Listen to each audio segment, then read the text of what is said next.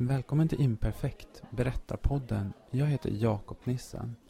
I vår podcast spelar vi historier från vår berättarscen där människor ställer sig och berättar sanna historier från sina egna liv på scen. Utan rekvisita, utan stödpapper, bara de och publiken. Denna vecka har vi en historia från en kväll som vi kallade Återkomsten. Berättare är Annette Skålberg.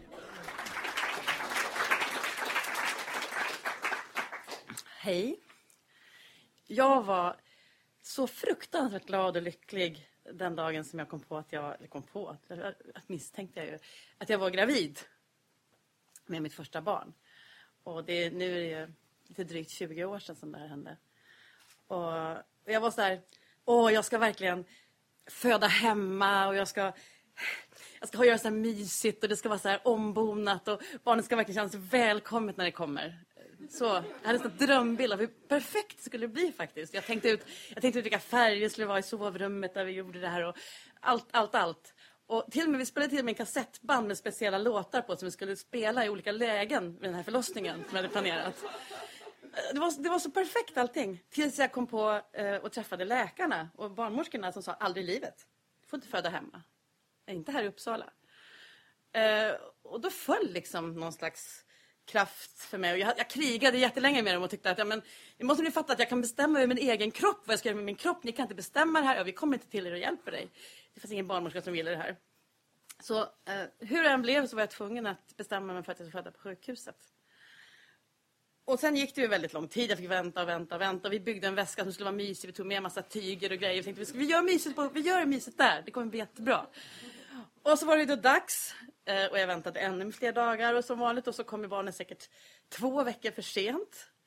Men till slut så var vi där på, på sjukhuset och installerade oss och byggde upp allting som vi skulle göra mysigt och sådär. Sen började det göra jävligt ont. Och det här mysiga försvann bort i fjärran. Vi behövde ingenting mysigt överhuvudtaget. Bara jag kom levande igenom det här kände jag. Och eh, 15 timmar senare höll jag fortfarande på och kämpade. Och då började läkarna oroa sig lite grann för det här barnet eh, i, mig som faktiskt inte började ha samma kraft längre. Så de stoppade in en massa saker och mätte och, insåg att det här barnet mår inte bra. Vi måste ha ut det nu. Nu, nu, nu. Så de slängde upp mig på en säng och cyklade mig till operationssalen och gjorde ett katastrofsnitt där de bara snittade mig rakt upp och ner så för att få ut barnet.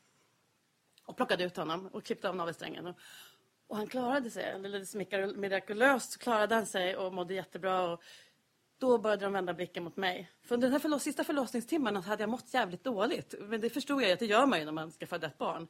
Så att jag tänkte inte så mycket på det själv. Men jag var inte riktigt, riktigt där. De, hade fått, eh, de upptäckte att jag hade fått dick. Och dick är en slags... Eh, ja, blodet koagulerar helt enkelt. Utan det bara rinner ut i kroppen. Hur man än gör så fortsätter det bara rinna ut i kroppen hela tiden. Så de tillsatte massor med blodpåsar. Jag tog massor med blodpåsar. Och ja, jag är blodgivare. Det kan jag skriva under på. Eh, så att, tack vare att jag fick en massa blod så lyckades de ändå hålla mig vid liv. Men när de skulle se ihop mig så såg de att levern och alla andra organ var jättesvullna och jättestora. Och det, det var något som inte stod rätt till här. Och plötsligt insåg de att jag hade nog fått en havandeskapsförgiftning mitt under själva förlossningen. Så eh, då sydde de ihop mig och stoppade in mig i en skanner för att de skulle kolla hjärnan. Och den var också jätteuppsvullen. Och de sövde ner mig igen. Och så sa de till eh, min familj att ärligt talat så vet vi inte om hon kommer att överleva. Vi får se hur det går, men vi gör vårt bästa. Så där satt de jätteglada över att det här barnet eh, hade klarat sig och levde, men där jag plötsligt svävade mellan liv och död. Och så sa de också det att ja, om vi nu lyckas få henne att leva så räkna med att hon kanske blir lite grann som en grönsak. Vi vet inte ens om hon kommer kunna fungera. Därför att skadorna blir så stora på alla hennes organ. Själv så befann jag mig i den här kroppen som jag plötsligt började lämna. Och jag kände hur jag gled bort från den här kroppen. Jag kände nej, nej, nej, nej, nej. Jag, jag har precis fött ett barn. Jag vill vara kvar där och träffa det här barnet. För jag hade fortfarande inte fått träffa honom. Eh, men jag försvann ut ur den här kroppen rakt upp genom rummet och jag såg på långt håll hur min kropp låg kvar där och själv bara så försvann jag från den. Jag kände det här är inte, det här är inte okej. Okay. Men så försvann jag och jag försvann upp genom taket upp. Så kom jag till en helt annan värld. En värld som var fantastiskt vacker på alla sätt och vis. Men jag ville ju inte vara där. Jag ville ju vara där nere hos barnet. I min kropp som låg där nere. Och där uppe fick jag träffa en massa ljusvarelser. eh, som jag försökte övertyga om att jag vill faktiskt inte vara här. Det är fantastiskt bra, men jag vill, vara, jag vill dit. Jag måste dit. Jag måste träffa mitt barn. Jag har massor kvar att göra. Jag kan inte bara lämna det här nu. Det går inte. Och jag höll på att försöka övertyga, och övertyga, och övertyga. Och jag vet inte om de tröttnade på mig eller, eller om de faktiskt tyckte att jag hade bra argument. Men efter ett tag så sa jag okej, okay, jag, jag får komma tillbaka. Jag får en chans till. Men jag måste själv ta mig tillbaka. Och först förstod jag inte hur de menade för jag kunde inte bara ta mig tillbaka. Men så hade, då hade jag som ett slags rep som jag fick ta mig tillbaka på. Och det här repet, det var liksom, även fast det var rakt ner i kroppen så var det som att det var, det var som en, att ta sig Mount Everest. Det var fruktansvärt kämpigt. Och jag drog och slet och kämpade. Rent fysiskt tyckte jag att det borde vara enkelt.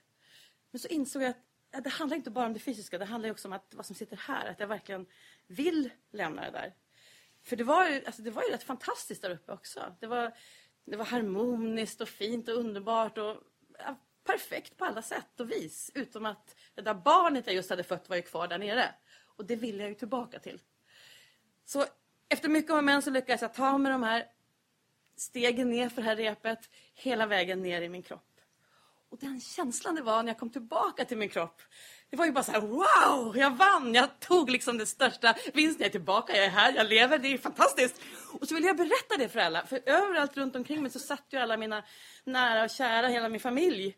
Och var ju fruktansvärt ledsna. Och satt och pratade och jag hörde ju vad de sa och jag förstod ju vad de sa. Och jag låg där och tyckte själv att jag pratade jättebra mot dem och sa, men hallå, jag är här, jag lever, jag vann, jag har klarat det, jag är här. Men de hörde ju inte mig. Jag låg ju där bara. För dem så låg jag ju halvdöd redan. Så där visste jag inte hur jag skulle bete mig för att komma i kontakt med dem. Och där låg jag ungefär i fyra, fem dagar.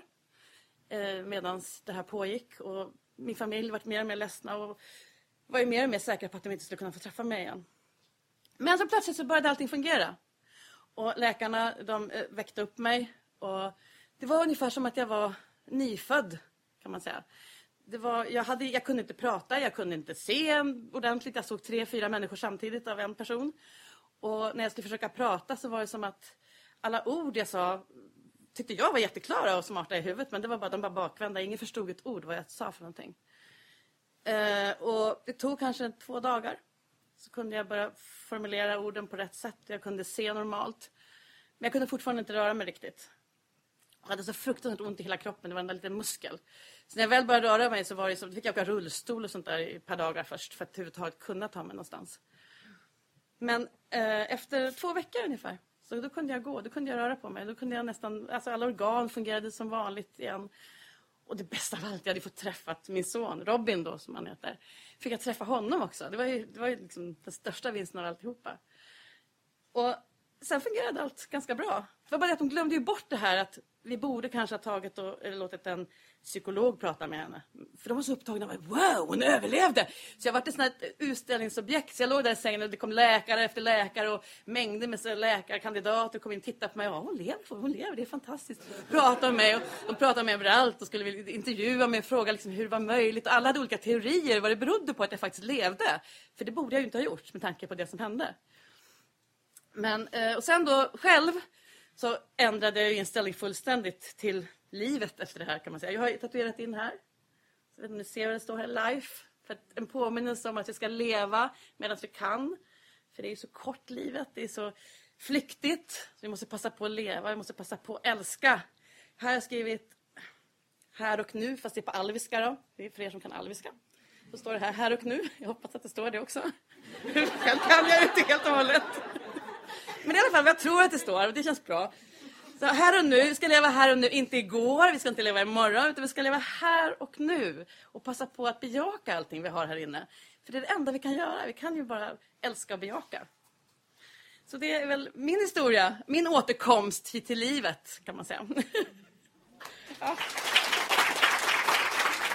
Anette Skålberg är författare, filmregissör och ännu mycket mer.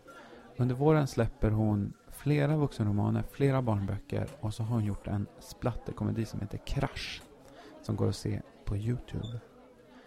Imperfekt, berättarscen och berättarpodd görs av mig, Jakob Nissen och Julia Westerdahl.